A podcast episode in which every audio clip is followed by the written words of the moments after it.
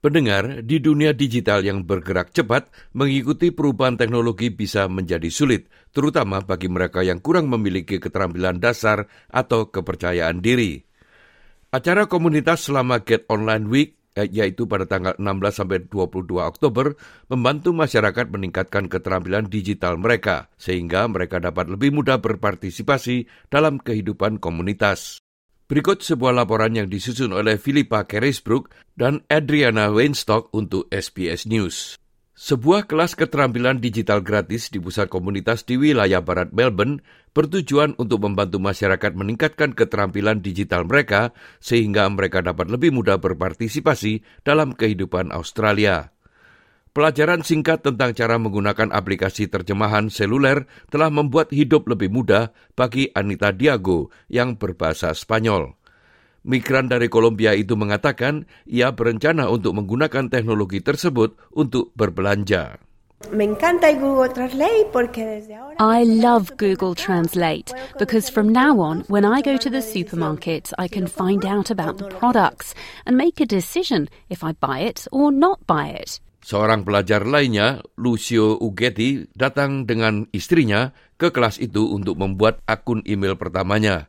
Ia mengatakan hal itu tidak mudah baginya. For my age, and I'm 80, uh, I just still find it a bit hard to to comprehend everything. It's just a bit too much. Seorang mentor dalam kelas itu, Nathan Hennekin mengatakan keterampilan online semakin diperlukan untuk mengakses layanan pemerintah, melamar pekerjaan, menghadiri pertemuan telehealth, dan bahkan tetap berhubungan dengan keluarga.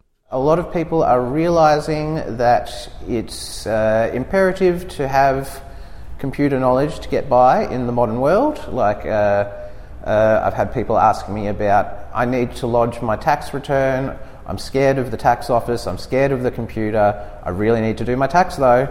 Help.